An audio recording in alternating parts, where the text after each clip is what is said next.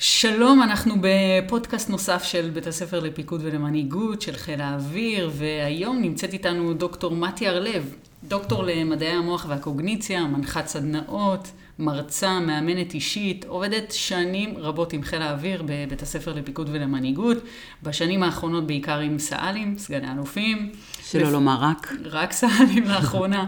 אה, מפתחת את אה, שיטת אימפקט למנהיגות תודעתית. שלום מתי. שלום הילה, איזה כיף. ממש, ממש כיף. אז אנחנו הולכות לדבר על קורס מנוף לסא"ל. מי שככה לא מכיר, אז בית הספר לפיקוד ולמנהיגות יש לו גם קורסים שעוסקים במודעות עצמית, פיתוח אישי, אה, סדנות שהולכות יותר עמוק פנימה ועוסקות באדם שבמפקד. ויש סדנות שעוסקות יותר במיומנויות, בפרקטיקות, בכלים, במנהיגות היותר צבאית. אז בעצם את יושבת יותר על המקום אה, של הפיתוח האישי והמודעות עצמית, ורוב ה, באמת העיסוק שלך בשנים האחרונות בבית ספר הוא עם אה, סגני אלופים, בקורס מנוף לסא"ל. אז ספרי לנו איך בעצם נולדה ההכשרה הזאת של מנוף לסא"ל, כי את באמת המון שנים ב, אה, בתוך הקורס הזה. אכן המון שנים, גם בתוך הקורס הזה וגם בבית ספר. אני חושבת שהתחלתי בבית ספר ב-2003, ופחות או יותר מאז, 2003 או 2004, אני... מעבירה את הקורס של אה, מנוף אה, סא"ל. באמת בשנים עברו עבדתי גם עם סגנים וסרנים ורבי סרנים מכולם, ועכשיו אה, זה המיקוד. בשביל לספר על ההכשרה של מנוף סא"ל, אני בעצם צריכה קצת לספר על שיטת אימפקט, כי למעשה הקורס של מנוף סא"ל הוא מבוסס רובו ככולו על השיטה, שיטת אימפקט, כמו שאמרתי, שיטה למנהיגות תודעתית.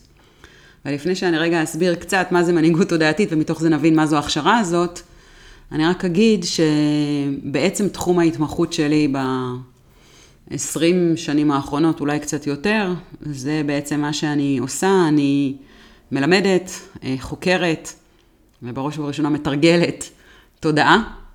וכשמדברים על מנהיגות תודעתית, למעשה מדברים על החיבור וההבנה של מה זו תודעה. ואיך הדבר הזה קשור למנהיגות. Mm-hmm. אז בשביל, אה, תודעה זו מילה מורכבת, אבל בשביל ככה להסביר בפשטות, אפשר להגיד שלכל אחד מאיתנו יש איזושהי מערכת אה, הפעלה, מערכת של חיווטים והתניות שנוצרה אי שם בראשית חיינו, ומהרגע שהמערכת הזאת נוצרה, היא למעשה עובדת על מוד של טייס אוטומטי. וכאן כבר יש חיבור ראשון למנהיגות, כי כשאנחנו במוד של טייס אוטומטי, זה בעצם אומר שאין כל כך מנהיגות.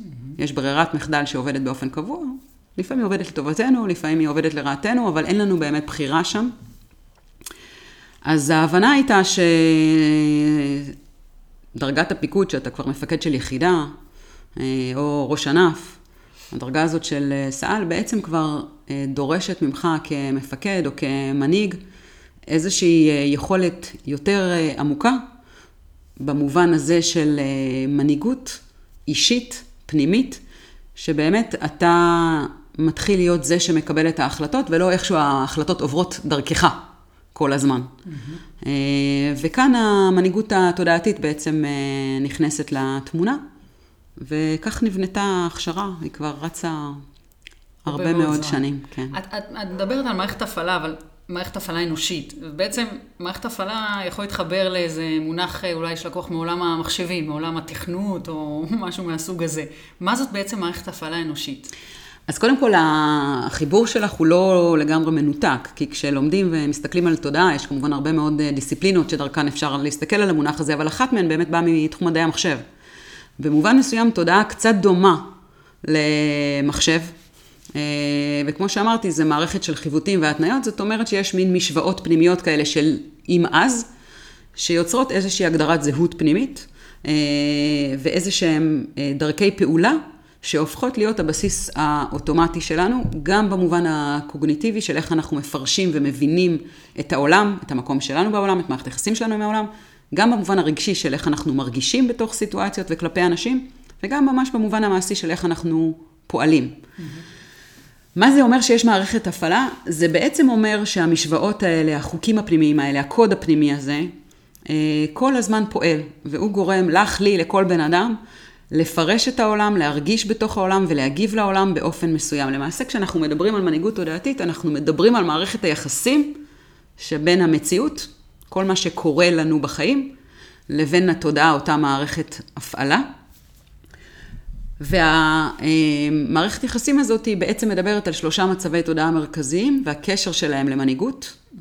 מצב תודעה שבו אנחנו ריאקטיביים, זה בעצם אומר שמערכת ההפעלה היא הדבר הדומיננטי ששולט בחיים שלנו. דוגמאות פשוטות, אה, יש אנשים שבאופן קבוע מוצאים אותנו מאיזון. לא משנה מתי אנחנו פוגשים אותם, באיזה נסיבות אנחנו פוגשים אותם, זה בא לנו לא טוב, זה מקלקל לנו את המצב רוח. למען האמת, לפעמים אנחנו לא צריכים לפגוש אותם, מספיק שאני רואה ביומן, בלו"ז שנקבעה פגישה, כבר לא בא לי על זה. בבית אה, עם בן הזוג שלנו, אנחנו יכולים לנהל את אותו ויכוח שנים על גבי שנים. כל פעם הסיטואציה קצת שונה, אה, הניואנסים משתנים, אבל בסופו של דבר אנחנו מוצאים את עצמנו תמיד מרגישים אותו דבר, אומרים אותו דבר, מגיבים אותו דבר, מגיעים לאותו dead end, פעם אחר פעם אחר פעם. Mm-hmm. עם הילדים שלנו, שהם אהובי ליבנו ונפשנו וכל עולמנו, אנחנו יכולים לאבד את זה לחלוטין, אפילו על דברים קטנים, המגבת שנזרקה, הצלחת שלא הורידו, הנעליים בכניסה, אנחנו יכולים... הילקוט, הילקוט בכניסה. הילקוט בכניסה. אה, אנחנו מגיבים, אנחנו מתפוצצים, מאבדים את הסבלנות, אחרי זה מצטערים על זה מאוד, אומרים לעצמנו, מחר זה לא יקרה, מחר אנחנו רואים את הילקוט בכניסה, בום, אותו דבר. זאת אומרת, מערכת הפעלה, וזה הדבר החשוב להבין, זה עובד באופן אוטומטי. Mm-hmm. טריגרים מסוימים, אנשים מסוימים, אותם אירועים, אותן תכונות, אותן התנהגויות, אותם מצבים, מחלצים מאיתנו שוב ושוב את אותה תגובה. Mm-hmm. במובן התודעתי זה אומר שאין לנו שום חופש. כלומר, יש ברירת מחדל שעובדת באופן קבוע ואוטומטי. כמו שאמרתי קודם, יש מקומות שזה אחלה, זה עובד לטובתנו, זה משרת את המטרות שלנו והכול נפלא. בחלק גדול מהמקרים זה עובד לרעתנו. לפעמים זה עובד כל כך לרעתנו שזה פוגע בנו, זה פוגע בסביבה שלנו, וזה בוודאי מחבל בחזון שלנו, במטרות שלנו, בדברים שאנחנו רוצים להשיג. ובעצם המוד הריאקטיבי הזה אומר שהמציאות מכתיבה אותי. קורה משהו בעולם, הילקוט, הקולגה, מישהו אמר משהו בדיון, אני מופעל באופן קבוע ואוטומטי, ולכן אני כל הזמן מגיב למציאות. אז, אז בואי תספרי קצת מה, מה בעצם קורה בתוך הקורס. בעצם מה, מה השיטה שלפיה את עובדת כדי באמת ל, להתמודד עם הדבר הזה. אז כמו שכבר אולי אפשר להבין, הרעיון המרכזי של מנהיגות תודעתית אומר, אם אתה רוצה להיות מנהיג, אתה רוצה את החופש הפנימי, להיות מסוגל לבחור את התגובה או את המהלך הנכון. למעשה ההגדרה של מנהיגות תודעתית, כמו שאני מגדירה אותה, זה החופש והיכולת ליצור ולחוות את המציאות שאתה רוצה. והשלב הראשון הוא באמת, קודם כל להיות מסוגל לזהות את מערכת ההפעלה, כי רוב האנשים יודעים אה, איך הם מגיבים, או מתי הם מגיבים, אבל הם לא יודעים למה. כלומר, הם, אין להם את הגישה למערכת ההפעלה שלהם. אז השלב הראשון בהכשרה או בקורס הזה או בשיטה זה קודם כל לקבל את הגישה למערכת ההפעלה, להבין איך נראית מערכת ההפעלה שלך, mm-hmm. איך נראים אותם חיווטים והתניות שמפעילים אותך באופן קבוע ואוטומטי. ואז להיות מסוגל לעשות חיווט מחדש ולשחרר את ההתניה הזאת, וכאן בעצם המעבר למצב התודעה השני, שהוא מצב של פרואקטיביות כבר, מצב שבו המציאות היא אותה מציאות, כלומר הילקוט בכניסה, אה, אשתי אמרה לי, או בעלי את אותו הדבר, הקולגה שאני לא סובל אמר את אותו דבר בדיון, אבל למרות שהמציאות היא אותה המציאות, לי כבר יש חופש בחירה, mm-hmm. איך אני מגיב. ואנחנו מכירים את המושג הזה, מושג שנקרא אחריות, responsibility, היכולת להגיב, לבחור את הפעולה הנכונה בזמן אמת. בואי בוא ננסה לצבוע את זה באיזושהי דוגמה, אה, אם יש לך. אה, יש המון דוגמאות, אבל רגע לפני הדוגמה, אני רק אגיד את השלב האחרון, בכל זאת, כי זה מהלך שלם. Mm-hmm. מנהיגות תודעתית במיטבה, או במובן האולטימטיבי שלה, זה כשאנחנו בתודעה קריאיטיבית. כלומר, לא רק שאנחנו לא מגיבים למציאות באופן קבוע ואוטומטי, אנחנו לא קורבן של הנסיבות, ולא רק שיש לנו לבחור, יכולת לבחור את הפעולה, אנחנו אלה שיכולים, במצב קריאיטיבי, ליצור את המציאות. Mm-hmm. ומנהיגות בסופו של דבר, אם תחשבי על זה ברמה הכי פשוטה שלה, אומרת שיש לך vision, כלומר, אתה יודע מה אתה רוצה, יש לך איזו תמונת מציאות שאתה רוצה ליצור. חזון. חזון, mm-hmm. ואתה אכן מצליח, הלכה למעשה. אה, לבסס את התמונה הזאת במציאות, לגרום לה לקרות. אז זה המהלך השלם, ה-RAC כן. הזה. רק נגיד שבאמת ההכשרה הזאת, הסדנה הזאת, היא מתעסקת באמת לא רק במרחב הצבאי, היא בהחלט גם, מה זה בהחלט? היא ממש פותחת את כל המרחבים. מאחר והמהלך הוא מהלך תודעתי, ותודעה עוסקת באותה מערכת הפעלה, מערכת ההפעלה רלוונטית לכל מרחב ומעגל חיים, להורות, לזוגיות, לפיקוד, לקהילה, אה, והעבודה היא עבודה אישית פנימית תודעתית, והאימפלמנטציה, כלומר כל אחד יכול ליישם את זה בכל מרחב שהוא רוצה. למען האמת, ואולי ככה נתחבר גם לדוגמה. כשיש איזושהי התניה שקיימת, או ההתניות שיש לנו, הן פועלות בכל מקום, בכל, בכל מקום, בכל מרחב. כלומר, זו תמיד תהיה אותה התניה, או אותם, אותן התניות, גם בהורות שלנו, גם בזוגיות שלנו, גם בניהול ובפיקוד שלנו, כי תמיד הבן אדם שאתה, מי שאתה בבסיס של התשתית של התודעה שלך, הוא מי שמגיע לתפקיד. אז אנחנו בכלל לא במרחב של ה... אמ, כמו שאמרת קודם, פרקטיקות ומיומנויות, אנחנו הולכים לליבה, ל-core של התשתית של הבן אדם, של מערכת ההפעלה של התודעה שלו, ומתעסקים שם. והתשתית היא תשתית גנרית, כלומר, היא context free in a way, כלומר, זה לא משנה איפה אתה נמצא. אז רצית דוגמה? Yeah, כדי שבאמת דוגמה. נבין איך זה עובד ומה זה אומר מערכת הפעלה. אה, אז זה באמת דוגמה שלקוחה אה, ממנוף אה, סא"ל, מפקד יחידה שהשתתף כבר לפני די הרבה שנים. אחת ההתניות שהייתה לו הייתה קשורה למאמץ. בילדותו הוא היה, גדל במושב בין לחקלאים, ואבא שלו היה מעיר אותם, מה שנקרא בצאת החמה, כשעוד חשוך, לעבוד בשדות. אה, מגיל מאוד מאוד צעיר. עבודת כפיים קשה וקשוחה, mm-hmm. והחינוך שהוא קיבל, אה, עם ובלי קשר לעבודת כפיים הקשה הזאתי, זה שהישגים באים במאמץ, שבשביל להתקדם צריך לעבוד קשה, ועבודה קשה הייתה לא רק ערך בפני עצמו, אלא באמת הנתיב להשיג דברים, להתקדם בחיים, ונוצרה אצלו משוואה תודעתית התניה שאומרת, שחייבים לעבוד קשה, mm-hmm. ושכל דבר שאתה רוצה להשיג או לקדם, כל רעיון, כל מטרה, זה חייב לקרות במאמץ רב ובעבודה קשה, מה שנקרא דם, יזע ודמעות. אה, זה היה הניסיון חיים שלו, וזה גם האידיאולוגיה שהייתה, וזה הפך להיות חלק ממערכת ההפעלה. אפשר בסוגריים להגיד שבאמת מערכת ההפעלה נוצרת בעשור, עשור וחצי הראשון של החיים שלנו. כלומר, ראשית חיינו קובעת איך תיראה מערכת ההפעלה, מה יהיו אותן התניות. Mm-hmm. אז יש התניה כזאת, אה, וחשוב לומר, זה לא טוב או רע. התניה היא פשוט משוואה. היא לפעמים טובה, לפעמים רעה. obviously שכמובן שבמקומות שבהם נדרשת עבודה קשה, ההתניה הזאת עובדת לטובתו. כן. אבל למשל כשהוא... מביאה להישגים מביאה גם. להישגים, ומאפשרת לו להיות, אה, להפגין אה, חריצות, משמעת, מוסר עבודה, הרבה דברים שאנחנו מאוד התמדה. מאוד מעריכים. נכון, התמדה, נחישות. אה, כוח רצון, סיבולת, הרבה מאוד דברים שהם חיוביים בהחלט. כן. בוודאי בקונטקסט מקצועי, אם אתה רוצה לעשות מרתון.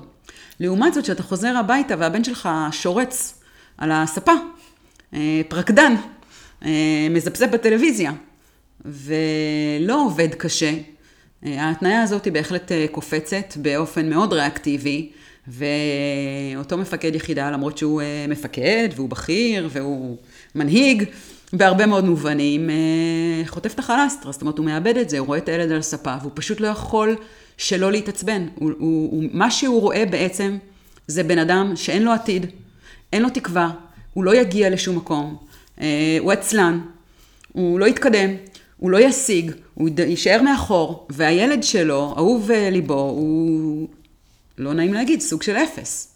עכשיו, זה לא מה שהוא חושב עליו ברמת הכישורים והיכולות, אבל התגובה שלו אליו, היא כזאת. כן. אז כמובן שזה בא מתוך זה שההתניה הזאת היא מעוררת מיד אה, איום, שאומר, אוי ואבוי, אוי ואבוי, הבן שלי, מה יקרה איתו? וזה בא מתוך דאגה. כן. אבל למעשה מה שההתניה עושה, היא מצמצמת את המרחב האינסופי של פוטנציאל ושל אפשרויות לתנועה בחיים, למשהו מאוד מאוד צר. אז כמובן שהוא מגיב, אה, כועס על הילד שלו, נכנס בו, אומר לו משפטים כמו, לא יצא ממך כלום, אה, אתה עצלן, אה, אני, כשהייתי בגילך, לא רק שקמתי לעבוד בשדות, אחרי בית ספר מיד הייתי עושה שיעורים, ועושה. וחוזר לעושה זה, ומגדיר מטרות. אם אתה תשכב ככה כל החיים שלך לא יקרה, לא תגיע לשום מקום. אי אפשר להשיג דברים אם לא מתאמצים, אם לא עובדים קשה. אה, את יכולה לדמיין איך נראית מערכת היחסים אה, של אה, אותו אה, מפקד עם הבן שלו, בטח שמדובר היה בנער בגיל ההתבגרות, זה לא מתכונת למערכת יחסים מאוד מוצלחת. הבן שלו מגיב חזרה, וכמובן מתפתח קונפליקט ועימות שהוא הופך להיות משהו על בסיס יומיומי. יותר מזה, הוא גם צובע את הגישה, כביכול, של אותו מפקד כאבא ל, לילד. אה, אפשר להרחיב על זה המון, על מה זה כן. עושה לילד, מה זה עושה לתודעה של הילד, איך זה משפיע עליו, מה זה גורם לו להרגיש, מה זה עושה לתחושת המסוגלות שלו, לדימוי העצמי שלו, למוטיבציה שלו. כן. לא נלך לשם, כרגע, בזמן הקצר שיש לנו. אבל אני כן אגיד שכשהוא הגיע לסדנה, לקורס, זה מאוד מאוד הפריע לו. כי בסופו של דבר, אה, העימות הזה הפך להיות הת- התשתית של מערכת היחסים ביניהם, והוא הגיע במ- במצב שהוא כבר מרגיש שהוא מאבד את הבן שלו. וזה כמובן משפיע על... זאת אומרת, זה לא משהו שאפשר להתעלם בו. כלומר, אני רוצה להגיד שזה גם, זה מלווה אותך גם ביום-יום. זה לא נשאר. זה לא רק שזה מלווה אותך ביום-יום, כי אתה סוחב ומוטרד מהאבהות שלך כשאתה בתפקידך, אפילו שאתה בצבא. את יכולה, אני מניחה להקיש, שמאחר ומערכת הפעלה קיימת בכל המרחבים, שזו גם הגישה שלו כלפי פקודים שלו, אה, קולגות שלו, מפקדים שלו. כל מי שבסביבה שלו, שלא בדם, יזע ודמעות, או הולך פתאום מוקדם, אה, או משיג בקלות, סתם כי יש לו איזה גיפט אפילו.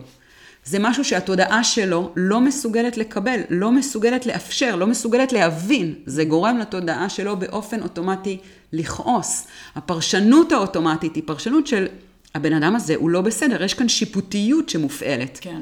עכשיו, אם יש לי כפיף, שבעיניי הוא לא מתאמץ מספיק, אפילו אם התוצאות שלו סבירות או טובות, עצם של- זה, שלו- שזה לא כמו שאני מאמין, התודעה שלי, באופן לא מודע, מותנית, אה, לעבוד, לראות, לפרש ולהרגיש. אני לא מעריך אותו, אני, יש לי אנטגוניזם, עוינות כלפיו, התגובות שלי אליו הן בהתאם. אוקיי. זאת אומרת, זה לרוחב ואורך הגזרה, זה, זה, זה בכל מקום. הדוגמה עם הילד היא, היא, היא אולי יותר אקוטית, כי זה, כי זה הבן שלך ואתה מאבד אותו, אבל זה נכון באופן המרחבים, כללי, כן. בכל המרחבים. אז מה בעצם קורה בסדנה כדי להתמודד עם זה? אז קודם כל, הסדנה כמובן מלמדת את השיטה. כלומר, את בסיס השיטה במובן התיאורטי, את המודל המרכזי, אה, כדי להבין מה זה אומר תודעה, איך נראית מערכת הפעלה. אבל החלק המשמעותי ביותר הוא באמת, בעיניי, החלק, ה- ה- נקרא לו פרקטי, שבו התיאוריה הופכת ליישום, ובו כל משתתף בסדנה בעצם מבין את מערכת ההפעלה של עצמו. Mm-hmm. מבין מהן אותן התניות אה, שמפעילות אותו באופן קבוע. מהו הקוד הפנימי הזה, שגורם לו לכעוס, כי את צריכה להבין שאותו מפקד יחידה שדיברנו עליו עכשיו, לא יודע שהוא מותנה. הוא באמת חושב שזה לא בסדר. הוא גם באמת מפחד על הילד שלו. הוא באמת חושב שהקולגה או הכפיף או הקצין הזה הוא פחות מוצלח. Mm-hmm. ובדרך כלל ההתניות שלנו שמחוברות לפחדים מגובות באידיאולוגיה. מה זה אידיאולוגיה? זה אומר שהבן אדם הזה הולך ומדבר על מוסר עבודה, על אה, מעשים ולא דיבורים, על חריצות והתמדה. עכשיו, אלה באמת ערכים אמיתיים. אבל מה שהוא לא מבין, זה שהוא מגיב כמו שהוא מגיב, לא בגלל מערכת הערכים שלו, אלא בגלל ההתניות שלו. Mm-hmm. אז מה שקורה בחלק הזה של הסדנה, זה שכל משתתף בעצם מבין את מערכת ההפעלה שלו, מה מפעיל אותו ולמה, מתי ואיפה נוצרו ההתניות האלה, מתי הן עובדות לטובתו ומתי לא, וחשוב מכך איך אפשר לכוות מחדש, כלומר בתוך, בתוך כל אותם מרחבים, בתוך כל אותם מצבים שההתניה הזאת עובדת לרעתי, היא פוגעת בי במערכות היחסים שלי, בתוצאות שאני משיג, אני מסוגל לשחרר את ההתניה הזאת, לכוות מחדש ולייצר תוצאות חדשות, mm-hmm. להשפיע על המציאות בצורה אחרת לחלוטין.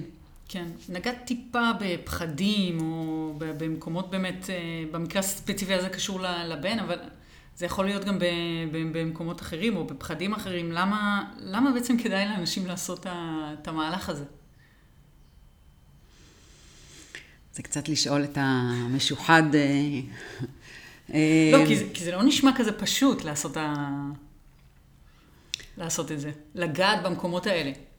תראי, קודם כל, זאת מנקודת המבט המאוד אישית שלי, זה פחות מורכב ממה שזה אולי נשמע. אני מבינה שלמקשיב מהצד או למתבונן מהצד זה יכול להישמע מאיים, כי אני הולך למרחבים אישיים, רגשיים, אה, שהם עמוקים, mm-hmm. שאולי לא נגעתי בהם או אפילו לא התעסקתי בהם, לא עם אף אחד בעולם, עם עצמי, אה, מעולם קודם לכן, וזה אכן קורה לא מעט בסדנה, שאנשים אומרים, וואו, אני אף פעם לא דיברתי על זה, או חשבתי על זה, או, או קישרתי, או אפילו הלכתי לדברים האלה. ומאחר מערכת ההפעלה קשורה לראשית חיינו, זה אכן מערב גם אירועים מכוננים, אה, זיכרונות משמעותיים, דברים שקרו לנו. Mm-hmm. למה ללכת? קודם כל בעיניי, המנהיגות התודעתית שאמרתי, זה החופש הזה ליצור את החיים ואת המציאות כמו שאתה רוצה, החופש הזה בעיניי אין לו מחיר. זאת אומרת, אה, בן אדם שחי מתוך ההתניות שלו הוא למעשה קורבן של הנסיבות והמציאות. אה, יש לי תמיד את הדימוי הזה בראש, כשאני ככה חושבת על זה, על פחית שמתגלגלת. ואת יודעת, הרוח מעיפה אותה, לאן שהיא מעיפה אותה. ולא מעט אנשים שאני פוגשת אה, מגיעים לאיזה נקודה בחיים שהם פתאום נעצרים, מסתכלים ימינה שמאלה ואומרים, איך, איך, איך... איך הגעתי לפה? איך הגעתי לפה? איך זה קרה? Mm-hmm. מערכות יחסים שמתקלקלות, מתח שאנחנו סוחבים באופן יומיומי, כעסים, עצבים, לחץ, שחיקה, קונפליקטים. קונפליקטים, שחיקה, חוסר שקט. אמ, ולא טוב לנו. אז יש כאן גם את ההיבט של התוצאות, שאני יכול ליצור ולהשיג את התוצאות שאני רוצה, במובן הזה של מנהיגות. אבל יש כאן גם את ההיבט, ובעיניי הוא לא פחות חשוב, אה, של ה-well-being, של אמ, זאת זכותנו הטבעית כבני אנוש, כ-human beings, להיות מאושרים. עכשיו, אני יודעת, אושר נשמע כזה מילה גדולה, אבל well-being בסוף אומר, שבגדול, בסך הכל, לא כל רגע ורגע, כן? זה לא שאני על היי אה, כל היום וכל הלילה, אבל בסך הכל אני מרוצה מהחיים שלי. כן. שהחוויה הבסיסית שלי בחיים, כשאני קם בבוקר, הולך לעבודה, חוזר מהעבודה, נמצא עם המשפחה שלי, עם חברים, היא חוויה של סיפוק. Mm-hmm. ורוב האנשים שאני פוגשת, זאת לא החוויה שלהם, החוויה שלהם היא של אה, לחץ, של מתח, של קושי, של מאבק. אני רוצה להוסיף לזה שגם, אה, שוב, מהחוויה שלי, גם מי שחושב... נכון, את בוגרת הסדנה, אולי בכלל את צריכה לענות על כל השאלות, לספר מה זה עשה לך ו... בפודקאסט הבא אולי נעשה את זה. אני חושבת שגם מי שקם בבוקר ואומר, סך הכל החיים שלי סבבה, לא תמיד אנחנו מבינים את הפוטנציאל אולי הגדול של לאן זה נכון. באמת יכול... הנקודה הזאת היא בדיוק נקודת המעבר. אמרנו ריאקטיבי, פרואקטיבי, זה לעבור ממתח ולחץ ל-well-being. כן. המעבר שאת מדברת עליו, של המימוש של הפוטנציאל, של להבין מה החוזקות שלי בכלל, מה התשוקות שלי. כן. מה אני רוצה? אגב, אנחנו דיברנו על זה ככה בסך הדעת, כאילו היכולת להשיג את מה שאני רוצה. 80 אחוז ויותר מהאנשים, כשנותנים להם את החופש המוחלט, לרצות, רק תגיד לי מה אתה רוצה, הכל אפשרי בעולם, אין גבולות, אין מגבלות, אין אילוצים, אין תנאים, לא של תקציב, לא של דעת קהל, לא של מפקד, כלום, מה, מה אתה רוצה? תגיד לי, אני יפיית זהב, דג זהב, מה אתה רוצה? אומרים, לא יודע. כן. אז באמת המרחב הזה הוא כבר מרחב שאנחנו נכנסים לתודעה הקריאיטיבית, mm. כלומר התודעה היוצרת, כן. שיודעת מה היא רוצה, שמכירה את הכישורים הטבעיים שלה, את המשאבים שלה, החוזקות שלה, העוצמות שלה. ואת התשוקות שלה, ומסוגלת למנף את החוזקות שהם המשאבים הטבעיים שלנו, לטובת מימוש התשוקות והחזון והמציאות שאני רוצה ליצור. כן. אה, בהחלט, בהחלט, בהחלט זה ה-level הבא. Mm-hmm. ושיטת אימפקט עוסקת בדיוק ב, בשלושת המצבים האלה, אבל השלב הראשון, ואני חושבת שהפוקוס בסדנה הזאת, במנוף סל, הוא מתחיל משם, להפסיק להיות קורבן במקומות שאנחנו קורבן. אנחנו אגב לא קוראים לעצמנו, או לפעמים לא חושבים על עצמנו כקורבן. אה, אם אני אבא שכועס על הילד שלי, אני לא חושב עליי כקורבן. אבל בפועל אני קורבן. כי, כי הוא על הספה, או הוא בסך הכל הניח את הילקוט. אה, או שאלתי אותו מה שלומך ואיך היה, והוא תמיד עונה, בסדר. אבל אני קורבן, כי הדבר הזה גורם לי להרגיש רע, לכעוס, אה, להתעצבן ולהגיב כלפי הילד שלי או הכפיף שלי או הבן זוג שלי או השכן שלי באופן שכשאני מחוץ לסיטואציה ואני מסתכל עליי ועל איך אני הגבתי, זה לא עושה לי טוב. Mm-hmm. וכשאני סוחב את הלחץ והמתח והדאגה והפחד והכעס הזה יום ביומו, זה לא עושה לי טוב. Mm-hmm. אז אני בעצם קורבן, אני קורבן של אירוע, של נסיבות, של התנהגות. יש משהו בחוץ שמפעיל אותי באופן קבוע, וגם אם אני לא אומר לעצמי, היי, אני קורבן, בפועל, זה. זה המצב. אז בואי נסגור רגע את המעגל של המנהיגות, כי אנחנו אולי אנשים ששומעים את המונח מנהיגות, זה מתחבר להם להוביל אנשים, ל- ל- לא יודעת מה, לקחת אה, אנשים, קבוצה של אנשים, להוביל אותה לאיזה מימוש של חזון או משהו כזה, ופה אנחנו בעצם מדברים, לפחות בשלב הראשון של ההכשרה, על הסיפור של המנהיגות העצמית, של עצמי, היכולת שלי לשלוט ב... אה, בתגובות שלי, בהחלטות שלי, בדברים שאני עושה, ואיך זה מתחבר למנהיגות אולי... אה, במובן הקונבנציונלי שלה. כן, תחברי לנו. אז שוב, מנהיגות תודעתית היא התשתית של כל מנהיגות אחרת. Mm-hmm. כי אם אני תמיד מגיב אותו דבר, תמיד מרגיש אותו דבר, תמיד אה, חושב אותו דבר, למעשה אין לי מנהיגות. אם אני קורבן של הנסיבות, ואגב, המצב התודעתי של קורבנות כרוך במה שמושג שאולי אנשים אה, מכירים, מיקוד שליטה חיצוני. כלומר, mm-hmm. אני בטוח שמי שצריך להשתנות, מי שאשם, הבעיה נמצאת בחוץ. Mm-hmm. זה אומר שאני לא לוקח אחריות. אז הבסיס של מנהיגות, גם במובן הקונבנציונלי שלה, הוא לקיחת אחריות. וזה בוודאי נכון במובן התודעתי. האחריות הפנימית, שזו האחריות שלי על עצמי ועל חיי, וזה התשתית. בן אדם שלא מכיר את מערכת ההפעלה שלו, את החיווטים וההתניות שלו, אפילו לא יודע שהוא מופעל, כלומר, הוא אפילו לא מבין שזאת התניה, הוא חושב שזה האידיאולוגיה שלו. הוא בראש ובראשונה לא מנהיג של עצמו, הוא בוודאי לא יכול להיות מנהיג של אף בן אדם אחר. במרחב הארגוני, אגב, רואים את זה בצורה מאוד מאוד בולטת. את לוקחת אה, צוות פיקוד, קפ"ק כזה, אה, מכניסה אותם לחדר, שמה נושא בוער, מה שנקרא, על השולחן, ואם את מכירה את האנשים, את הנפשות הפועלות, את, יכול, פועלות, את יכולה לעמוד איתי מחוץ ככה לדלת ולהגיד לי, שימי לב, בעוד עשר דקות, הנה מה שהולך לקרות. הוא יגיד ככה, היא תגיב ככה, הוא ירגיש ככה, הדיון הולך להיגמר בככה. עכשיו, יש כאן אה, לצורך העניין חבורה של אה, אנשים בכירים, מפקדים, מנהיגים, לכאורה. בפועל יש כאן אה, מערכות הפעלה שמגיבות באופן קבוע ואוטומטי אחת לשנייה, ומה שהיה הוא שיהיה, ואין חדש תחת השמש. כן, אז זאת לא מנהיגות. כן. אז מנהיגות תודעתית, או הדבר הזה שאת קראת לו מנהיגות עצמית או אישית, זה הבסיס למנהיגות של אחרים. Mm-hmm. כשאני מבין איך נראית מערכת הפעלה שלי, אני גם מתחיל להבין שיש מערכות הפעלה של אנשים בסביבה שלי. Mm-hmm. אני מבין מה מפעיל אותם ואיך הם מותנים להגיב. אני מתוך זה מבין איך נכון לגשת ולתקשר איתם. אני יודע לעורר אצלם את המוטיבציה, כי אני מבין איך נראית מערכת ההפעלה שלהם. כן. אני יודע לאתר את החוזקות שלהם ולרתום את זה לתשוקות שלהם ולחבר אותם למשמעות, אבל זה לא נעשה כמניפולציה של אני צריך לגרום למישהו אחר לזוז. אלא זה נעשה מתוך הבנה אה, עמוקה אה, ומשמעותית mm-hmm. של הדבר הזה שנקרא Human Being, של הדבר הזה שנקרא תודעה. אז אם אתה רוצה להוביל אנשים אחרים, קודם כל אתה צריך להיות בפוזיציה פנימית, שהם לא מפעילים אותך ומובילים אותך באופן לא מודע, וגורמים לך כל הזמן להגיב, והם לוחצים לך על הכפתורים, ואתה כל הזמן רק uh, מגיב. כן. זאת לא מנהיגות, אז זה הבסיס. כן. אוקיי, לסיום, בואי ככה, תספרי איך החוויה שלך לפגוש אה, סא"לים בחיל האוויר, כל כך הרבה שנים ולאורך הזמן. קודם כל, אה, כל קורס כזה, אה, בחיל האוויר ומחוצה לו, אני כאמור מלמדת את השיטה הזאת כבר הרבה מאוד שנים, זאת חוויה, אין לי אפילו את המילה, זה כל כך עוצמתי וכל כך משמעותי וכל כך מרגש, שזו באמת חוויה פנומנלית. ובאמת אני הרבה שנים אה, בחיל האוויר פוגשת דורות של סא"לים, וזה עונג צרוף לעבוד עם האוכלוסייה הזאת ועם האנשים האלה. תמיד יש בינינו ככה דיבור המנחים ש... אלה באמת אה, אנשים, זאת אוכלוסייה ש, שהבסיס המנהיגותי והמוטיבציה הזו למנהיגות, גם במובן של אחריות וגם במובן של ערכים וגם במובן של רצון להשפיע ולעשות טוב. Mm-hmm. זה זה.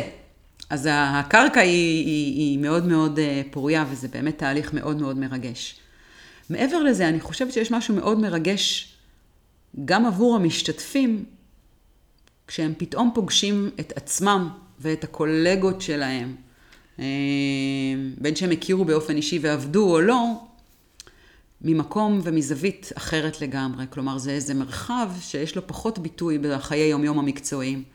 ואתה פתאום מגלה אנשים שהם מתחת לעטיפה, ומתחת לתואר, ומתחת לטייטל, ומתחת להגדרת תפקיד ולניסיון ומה כתוב ברזומה, אה, אתה פתאום מגלה באמת את הבן אדם, ואתה לומד מזה, ואת חווית את זה, את יודעת איך זה מרגיש. Mm-hmm, לגמרי. אה, שאנחנו שונים לחלוטין, אבל דומים לגמרי. זאת אומרת, כל אחד החיווטים אחרים, התשוקות אחרות, הפרטים הם שונים, אבל התשתית הזאת היא שלכולנו יש מערכת הפעלה, ולכולנו יש את הפחדים ואת התשוקות. היא משותפת לכולנו, והרבה מאוד פעמים אחד הדברים ש, ש, שמתגלה בסדנה הזאת זה שכל אחד הולך לביתו עם השק שלו. הכאבים שלו, התסכול שלו, הפחדים שלו, המתחים שלו. והרבה פעמים זה נראה לנו שאצל השכן, מה שנקרא הדשא יותר ירוק, אצלם הכל בסדר, יש את אלה שהולך להם בקלות, כאילו הכל... ורק אתה נאבק שם. סוחב, מתמודד, קושי. לחוץ, אה, מוטרד. ואז אתה נכנס לחדר ואתה מגלה שהי, רגע, לא אנחנו כול, כולנו שם ביחד, כן, נכון. כל אחד בדרכו. אז זה עושה משהו גם, כן. ההבנה הזאתי. שאנחנו, יש איזה בסיס אנושי משותף. אה, זה עושה משהו גם לחוויה הפנימית האישית שלי, את עצמי, אבל גם אחרי זה ליכולת לשתף פעולה. כן. אנשים שמסיימים את הסדנה, ואני הרבה פעמים אומרת למשתתפים במנוף סל, שאני חושבת שהמתנה אולי הכי גדולה של הקורס הזה, מעבר לתכנים ולגילוי ולתהליך שהם עוברים, זה החבר, החיבורים שנוצרים. כי אתה מסיים שבוע כזה, וזה ממש אה, מדהים לגלות איך בזמן כאילו כל כך קצר, כי זה רק חמישה ימים. כן. נוצרים חיבורים אה, עמוקים, משמעותיים, שמחזיקים שנים על גבי שנים. יש קבוצות שרצות ביחד, זה כאילו באמת, כאילו הם צנחו תמיד לביחד או משהו, זה, זה כאילו... כי, כי המרחבים שאנחנו נמצאים בהם, הם באמת מאוד מאוד אותנטיים. כן. אין פאסון, אין מכירה, אין סוציומטרי, בסדר? זאת אומרת, זה מתחיל מזה אולי, שזה לא בא כדי להציג איזה מצג, למכור איזה אה, תדמית, להראות יכולות, אף אחד לא שופט אותך. זה נועד, אה, וזה שאפו גדול לחיל האוויר, באמת בשבילך. Mm-hmm. בשביל ה-well-being שלך, בשביל איכות החיים, ואחרי זה כן, זה משפיע כמובן על המנהיגות שלך, על הביצועים שלך, על התוצרים שלך. אבל זה קודם כל מתנה בשבילך. שאתה יכול, כן, לוקח כ- כבן אדם לחיים. כן, אז באמת אחרי המילים האלה, אין, אין עוד הרבה מה להוסיף. אני ברמה אישית, חוויה ממש, עבורי לפחות, משנת חיים. אה, מאוד מאוד ממליצה לכל מי שמאזין ושוקל וחושב ושבוע וחמישה ימים זה הרבה זמן וזה באמת משהו מיוחד ששווה לקחת אותו. אז, אז מי שככה מקשיב לנו ורוצה להירשם, אז בהחלט יכול לפנות לבית הספר לפיקוד ומנהיגות. אה, או, או דרך הקציני משאבי אנוש בתוך היחידות, ואפשר להירשם לקורסים, והם אה, כל שנה מתקיימים בבית ספר, ובאמת, אה, וגם לנו, לבית ספר, זה תמיד שבוע מאוד מיוחד שיש מנוף לסעל, אז, אז זה בהחלט מרגש.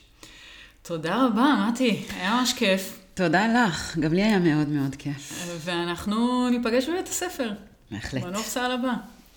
יאללה ביי. תודה. ביי.